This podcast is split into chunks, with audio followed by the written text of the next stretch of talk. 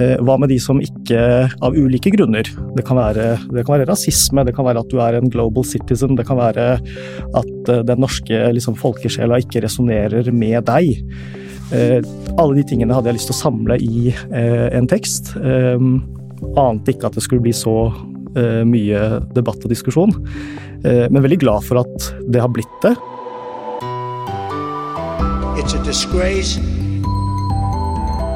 And I think they ought to apologize to start with. Dominere mediebildet. A failing media. Pile of garbage. False and fake, fake, fake, fake, fake, fake. Han har mangedobla lesertallene på debatt i Avisa Oslo, og får skryt for å få unike stemmer fram i spaltene. Men da han sjøl skrev noe personlig, så satte han virkelig fyr på minoritetsdebatten, og fikk bl.a. kjeft av Abid Raja. Velkommen til Presspodden, debattredaktør Fawad Ashraf. Hei, hei. Mitt navn er Kristine Sterud, og før vi går i gang, så skal vi ha noen ord fra våre annonsører. Universitetsavisa søker nyhetsjeger innen UH-sektoren. Vil du være en del av laget vårt? Les mer om stillingen på stilling.medie24.no. Brenner du for å sette dagsorden på et underdekket felt i mediene? Kunnskapsavisen Krono søker nå etter en erfaren nyhetsjeger til vår redaksjon i Oslo. Les mer om stillingen på stilling.medie24.no.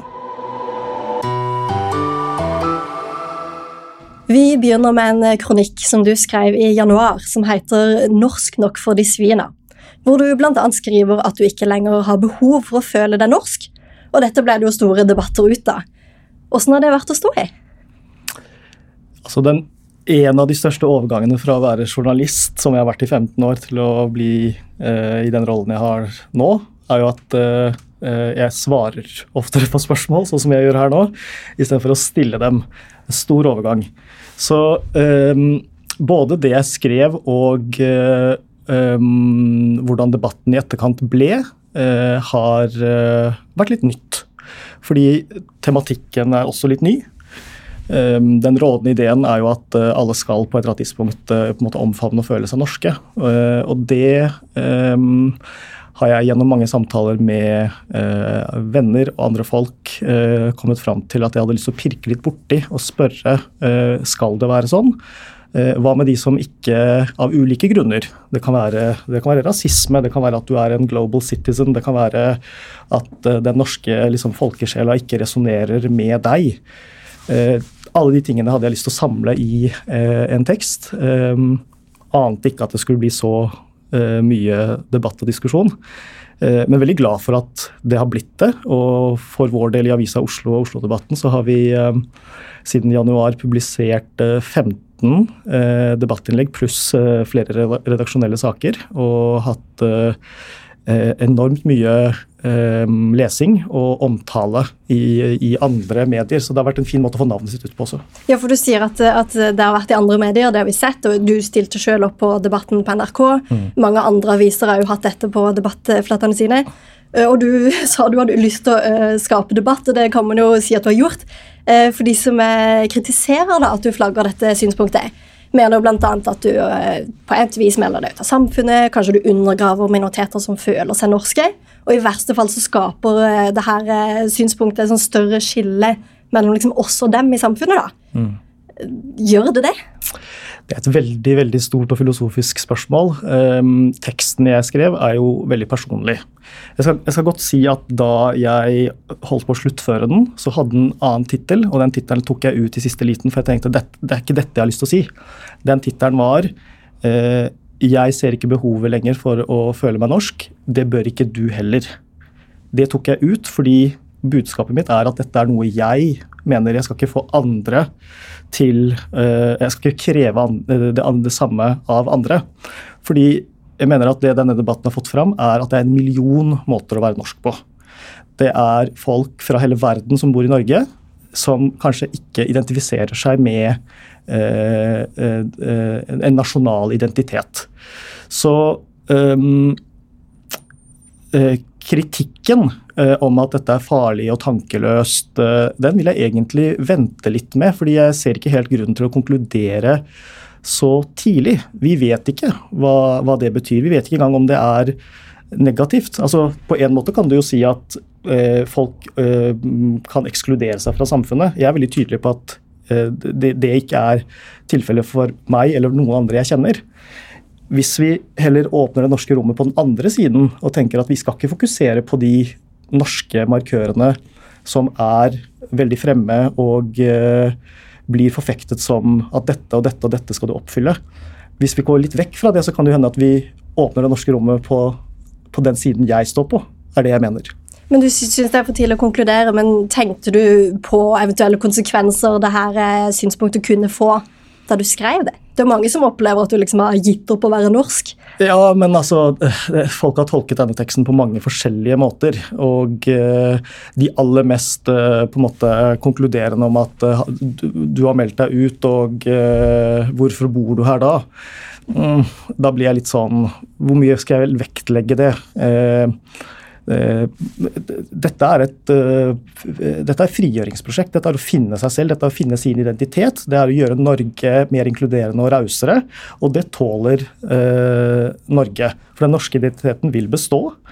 Eh, jeg bare peker på at eh, det er grunner til at den ikke inkluderer alle. Og eh, det er ikke farlig å si det. klart jeg tenkte på signaleffekten, men jeg skjønte nok ikke at det skulle vokse seg til det det har blitt. Men seks uker etterpå så er jeg glad for at det har blitt sånn. Fordi eh, jeg opplever at det er mange som har deltatt, og det er mange som skjønner. Eh, og de som er uenige, har relevante poeng. Eh, så jeg håper diskusjonen fortsetter. For diskusjon ble det i hvert fall da du stilte opp på Debatten i, på NRK. Og Da møtte du bl.a. tidligere kultur- og likestillingsminister Abid Raja fra Venstre. Og han mente bl.a. at det er ekstra ille at du som redaktør mm. har dette synspunktet. Altså, Er det noen grenser for hva du som redaktør kan mene i en sånn her type sak?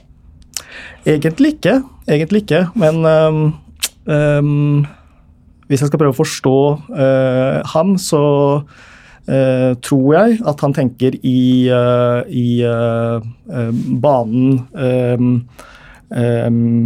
en stemme som, som, er synlig, som blir hørt, og kanskje til og med i, i liksom minoritetssammenheng rollemodell. Eh, det er jeg bevisst på. Eh, men, men, det aller viktigste for meg var likevel å sette ord på dette her. Fordi eh, tilbakemeldingene fra eh, veldig mange med minoritetsbakgrunn har vært at dette har vært veldig befriende. Og ikke bare det, etnisk norsk også. Så det er det jeg mener med at, eh, å konkludere med at dette her er Å, oh, det burde ikke snakkes høyt om, eller det burde ikke skrives om. Hva får vi igjen da? Da dysser vi jo noe ned som allerede eksisterer. Jeg er jo realist og tenker at hvis det eksisterer, la oss få det opp og frem, og heller snakke om eh, veien videre. Så bra, for vi skal snakke litt mer om dette prosjektet med Oslo-debatten. Det er jo en del av Avisa Oslo, rett og slett Avisa Oslo sin debattsatsing, som kommer ja, på en måte ny form nå i høst. Eh, dere har fått mye skryt for dette prosjektet. Eh, dere har dobla lesertallene på debatt siden dere starta det. Men hva er det dere gjør med Oslo-debatten som tydeligvis funker? Mm. Eh, så eh, I september i fjor så lanserte vi nye sider.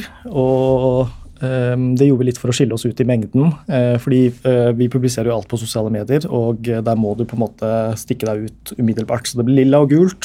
Og ehm, det vi gjør annerledes, er at vi henvender oss til folk uten en tittel, folk som ikke representerer andre enn seg selv. Folk som bor i byen, som har en mening som kanskje har blitt litt forbigått i samfunnsdebatten, eller at man har snakket om folk istedenfor med dem.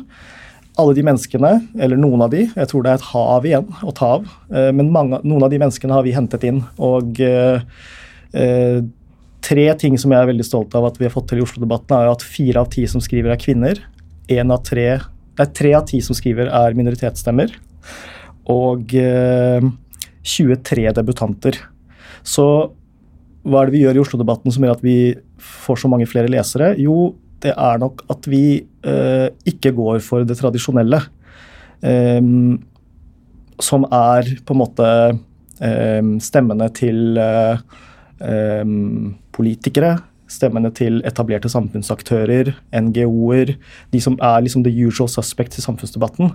Eh, de er også til stede i Oslo-debatten, men først og fremst så er det folk som skriver litt personlig om seg selv, og så ser de det store hele bildet om enten bydelen sin, om helsevesenet, om uh, kollektivtrafikken. Uh, og den oppskriften opplever jeg at funker, men den er veldig krevende å få til. Krevende på hvilken måte da? Nei, altså um, Jeg ser jo på det vi holder på med nå som et uh, liksom tillitsskapende og også litt sånn demokratiserende prosjekt. Vi vet jo at det er ganske mange som skyr unna samfunnsdebatten.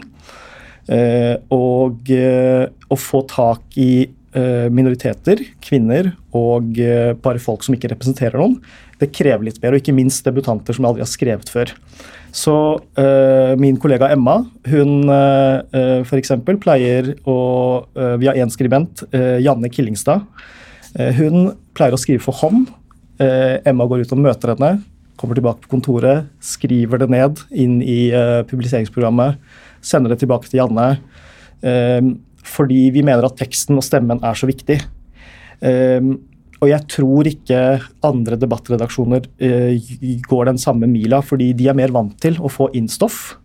mens hos oss, som er nye, eh, så vet jeg realistisk sett at i starten så var jeg, eller Oslo-debatten, folkets fjerde eller femte valg. Eh, vi mottok eh, innlegg som var refusert hos Dagsavisen, hos eh, Ytring, hos Aftenposten og hos VG. Det ble en sånn restebøtte? ja, litt restebøtte. Så, da, så, da, så det, var, det, var, litt av grunnen at jeg tenkte hva, hva kan vi gjøre da istedenfor å ta imot eh, sånne innlegg? Eh, så kan vi heller prøve å oppsøke de menneskene som eh, ingen snakker med. Ja, de som ingen snakker med. For Tidligere har du sagt at eh, politikere får ikke klippekort hos oss. Og typ Janne eller andre skribenter hos dere, kan man si liksom hva slags type mennesker er disse? I, I, det store og hele så er det eh, privatpersoner. De, de representerer eh, ingen eh, andre enn seg selv. De er eh, eh, samfunnsengasjerte lokalborgere i bydelene i Oslo og bryr seg om det som foregår Eh, både her oppe, men også foran dem eh, i gata. Det er interessant. Det er folk opptatt av eh, i, i en hovedstad, i Oslo.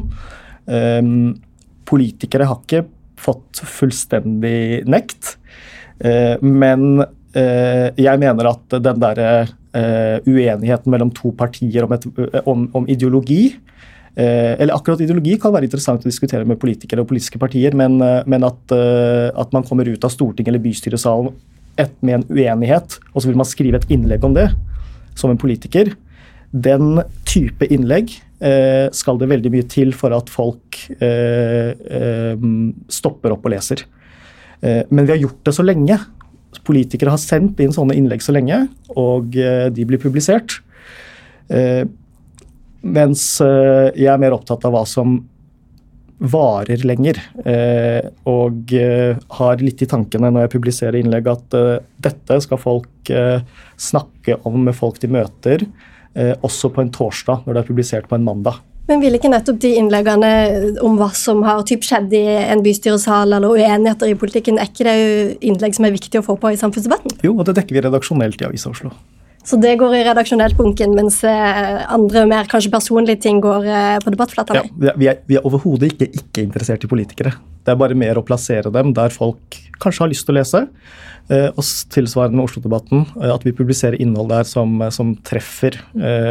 Det politikere vi har jo publisert uh, Cecilie Lyngby, publisert uh, Kamzy Gunaratnam, publisert Hadia Tajik, har publisert Morten Wold i Fremskrittspartiet. Eh, så vi har også politikere, men jeg forventer noe mer. Jeg forventer at du kommer med en godt skrevet tekst, en tekst du kanskje har skrevet selv, og kanskje ikke av en rådgiver. Sånne ting forventer jeg mer av politikere, fordi de eh, de vil jo gjerne også bli lest og sett, men da må de måte, være med på formen som jeg prøver å skape på Oslo-debatten. Og den formen du prøver å skape, hva skal til hvis jeg kommer som politiker og har lyst til å ha et innlegg hos deg? Nei, Det jeg ofte syns uh, uh, politikerne hopper over, er jo det personlige engasjementet. Altså Politikere går inn i politikken opplever jeg, fordi de har et brennende engasjement for én eller flere områder. Og så Når de kommer oppover i uh, bystyret og Stortinget, så tror jeg de begynner å kanskje de glemmer det ikke, men, men, jeg tror ikke det å skrive et innlegg alltid er høyeste prioritet. Men jeg, opp, jeg, jeg vil gjerne at det litt personlige, det mennesket som politikeren er, skal komme mer frem. Det blir også bedre lest. Men vil man risikere å havne i en slags felle, uansett når det er politikere eller si, vanlige folk, at innleggene liksom må være superpersonlige, må ha en eller annen historie fra barndommen, eller må det liksom være Går det an å engasjere på andre måter enn å, å bruke akkurat den formen? da? Ja da. altså øh, Veldig godt spørsmål. Jeg tenker mye på dette her. Uh, blir det uh, ikke sant? Blir det for mye personlig? Blir det for mye liksom navlebeskuende? Um, og det er en balansegang jeg Eh, ikke har et godt svar på akkurat nå. Jeg må se det litt mer over tid, når vi har holdt på litt lenger. Men jeg tror vi skal passe litt på at vi har en variasjon av debatter. Uh, en ting jeg passer litt på, uh, som jeg egentlig la merke til i går, er at uh, altså subjektet, jeget, det er egentlig drivende i våre debattinnlegg. Kanskje den variasjonen skal være bedre i titler, i form. Jeg tenker mye på disse tingene. Eh, men samtidig ser jeg eh, at, eh, at folk vil lese om folk. Og vi lever i en tid hvor folk er veldig åpne om sine indre følelser og, og ideer og tanker. Og alle har sine kanaler hvor de ytrer dem. Så hvorfor ikke ta noe av det inn i Oslo-debatten og bygge noe samfunnsaktuelt kritisk innlegg om om det rundt en personlig historie. Det syns jeg er helt fint. Universitetsavisa søker nyhetsjeger innen UH-sektoren. Vil du være en del av laget vårt? Les mer om stillingen på stilling.medie24.no. Brenner du for å sette dagsorden på et underdekket felt i mediene?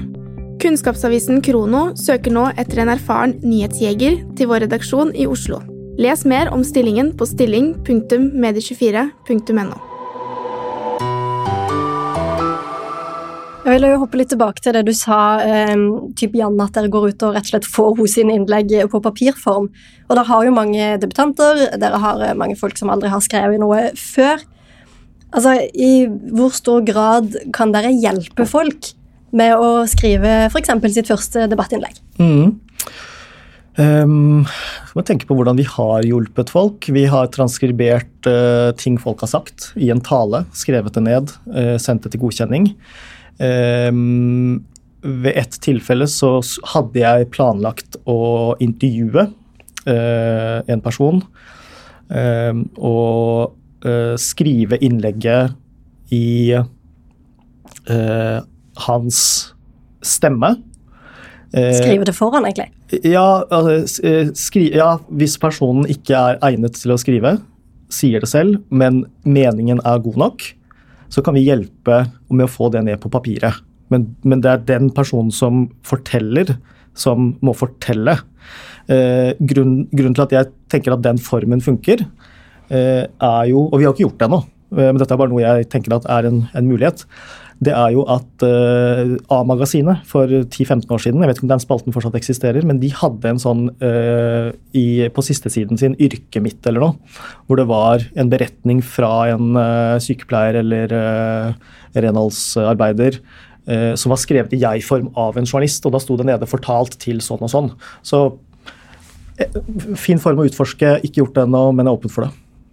Men jo det med å hjelpe folk å skrive Altså, hvor Jeg har, lest tidligere at du jobber veldig tett med folk når de har et innlegg. Ja. Eh, hvis du får tilsett et innlegg som kanskje for en gangs skyld er ferdig skrevet, mm. hvordan går du i gang med det, hvordan jobber du med det da?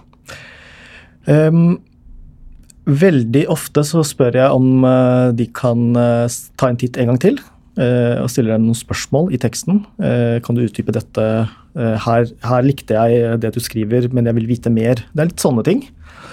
Um, andre ganger så foreslår vi uh, en annen struktur, sånn at uh, det er en historie, men at uh, et, et viktig poeng ikke havner nederst. Litt sånn som en nyhetsartikkel, egentlig. Og um, det det gjør, er jo at um, Altså, jeg kunne like gjerne refusert sånne innlegg, men jeg tenker videre at jeg må jobbe bedre med dem. Fordi dette er folk som har tatt seg tid til å skrive inn. Eh, de har noe å melde. De har kanskje ikke formulert seg på den beste måten, men å refusere dem, og spesielt refusere dem når vi er ute etter debutanter, når vi er ute etter kvinner, når vi er ute etter minoriteter Så det å refusere et innlegg som er 60% da jobber jeg med det til, til, til vi syns det er 100, istedenfor å si nei takk, gå videre. Faktasjekker dere ting de kommer med? Ja, vi faktasjekker når det er faktaopplysninger som må sjekkes. Mm. Og så tenkte jeg litt på, for Det er jo veldig tydelig at eh, dere har ganske klar prioritering på hva som er redaksjonelt stoff, og hva dere vil ha inn i eh, debattflatene. Eh, hva vil du si at debattsider tilfører til norsk presse som vanlige redaksjonelle saker ikke kan tilføre? Hvorfor kan man ikke løse disse innleggene med en redaksjonell sak, f.eks.? Jeg mener jo at i debattstoff så får man mer plass til å boltre seg. Uh, I en artikkel så kan du kanskje få et par sitater, og uh, folk har et større uttrykksbehov. så samfunnsdebatten trenger debattinnlegg, er egentlig mitt korte svar på det. Og de debattinnleggene dere har, blir jo også lest. Da jeg prata med deg på telefonen før vi gjorde den innspillinga her, så sa du at du var veldig opptatt av eh, lesertall, selv om noen kanskje syns man ikke skal være så opptatt av det. Ja. Hva, mener du at, eh, hva mener du egentlig med det? Altså, Jeg kommer fra VG, jeg har vært i VG i syv år. Eh, lesertall eh, har jeg inn i blodet. Men jeg har, en, jeg har en, eh, en, en, mer fornuftig forklaring på det, og ikke, ikke, det som kanskje noen som hører på nå, tror at, at, jeg, tenker, at jeg, mener. når folk skriver inn, så har de allerede bestemt seg for at denne meningen skal jeg ut med. Eh, hva er jobben min da? Å få, uh, få, teksten til å skinne enda mer. Og presentere teksten på riktig måte. Med bra bilder, med bra ingress, tittel og uh, alt annet. Um, selvfølgelig har du lyst til å bli mye lest. Selvfølgelig har du brukt tid på noe. Uh, vi har takket ja til innlegget. Jeg vil jo også jeg vil ha gode lesertall. Jeg liker høye lesertall når innholdet er godt, og jeg har god samvittighet med det jeg leverer fra meg, eller eh, det folk har levert fra seg til oss, vist oss den tilliten, så er det ingenting som gleder meg mer enn å fortelle dem at det du har skrevet, er noe som blir faktisk lest, og folk bryr seg og diskuterer det. Kjempegøy. Hender det at du refuserer ting fordi du tenker at nei, dette tror jeg ikke får så gode lesertall, selv om det kan være en god historie? Jeg vurderer innlegg etter om det kan være interessant for flere enn den som har skrevet. Eh, om det er på en eller annen måte aktuelt, kan det sette i gang en ny debatt. Eh, og så eh, vurderer jeg uh, også uh, og, og, og, gjennom det så vurderer jeg hvordan interessen kan være. Jeg ser veldig sjelden på et innlegg og tenker nei, det blir ikke lest, ha det bra. Det mener jeg ikke er riktig. Uh, men, men, innlegg kan jo bli, som jeg fortalte deg, bli, bli i samarbeid med skribenten bedre, sånn at man får ting til å skinne, så folk leser det. Og når folk har eh, skrevet hos dere, det presenteres ut eh, til allmennheten både på deres sider og på sosiale medier, eh, så finnes det jo de her i kommentarfeltet. Ja. Som kan være en grunn til at mange syns det er litt ubehagelig å ytre seg. Ja, kommentarfeltet er en eh, eh, forbannelse og en velsignelse. På hvilken måte da? På den måten at eh, det, er, det er mye å holde styr på. Eh, vi har, i Avisa Oslo har det på samme måte som eh, andre eh, redaksjoner. Vi modererer, og hos oss så ligger ansvaret hos, først og fremst hos frontsjefene. Men enhver person som har sittet på en front og hatt hovedansvaret for en forside på en avis, vet at du har ikke hele dagen til å sitte i kommentarfeltet. Så vi har noen kjøreregler, og de ligner nok sikkert på en del andres uh, kjøreregler om hva som er akseptabelt, og hva som er over grensen.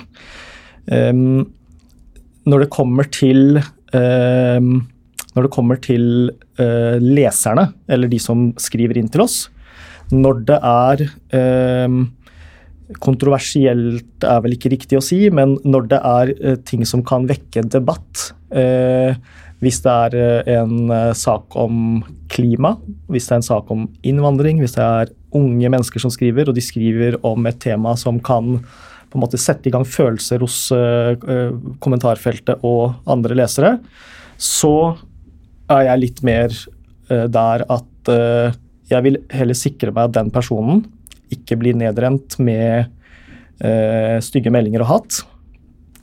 Fordi jeg vinkla en sak for hardt for å få noen flere lesere. For å få flere til å klikke seg inn. Det er ikke jeg opptatt av. Jeg er mer opptatt av at eh, opplevelsen til den som har skrevet inn, skal være god. Han eller hun skal oppleve at dette er noe jeg har lyst til å gjøre igjen.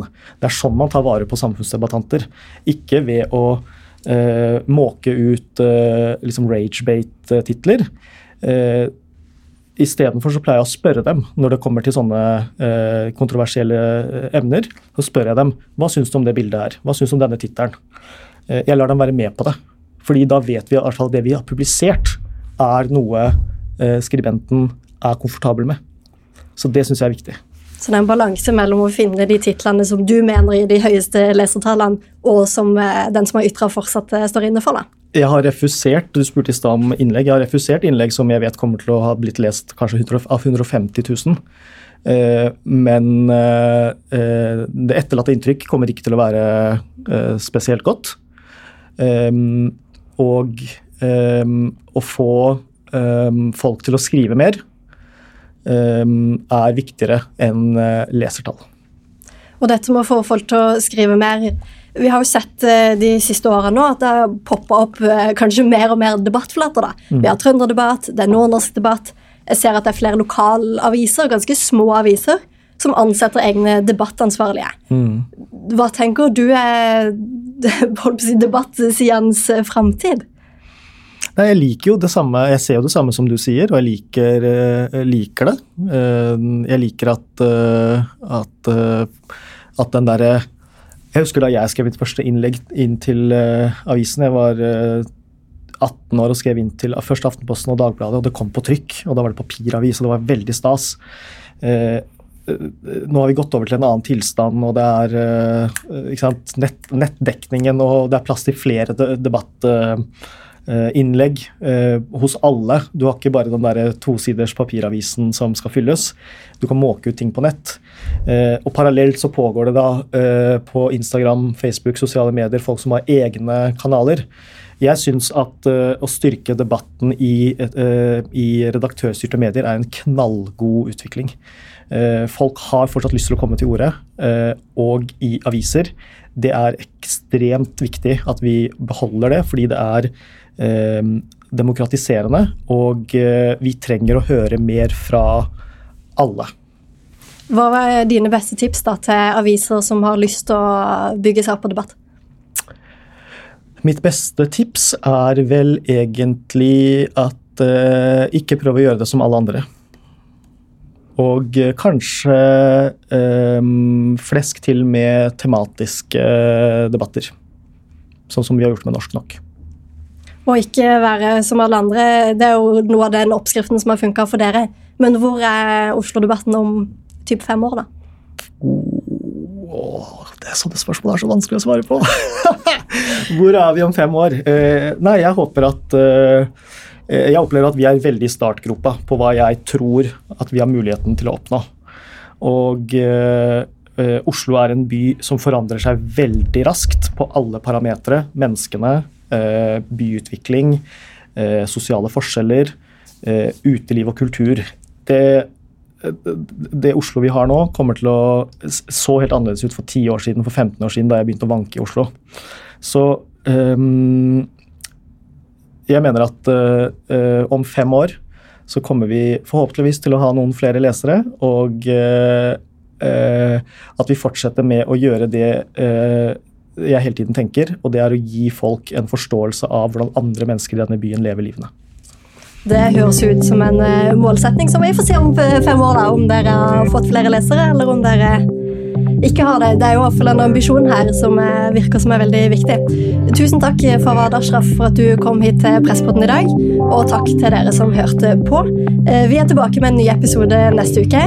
Ansvarlig redaktør i Medier24 er Erik Våtland. Teknisk ansvarlig er Sebastian Manrikes, og mitt navn er Kristine Sterud.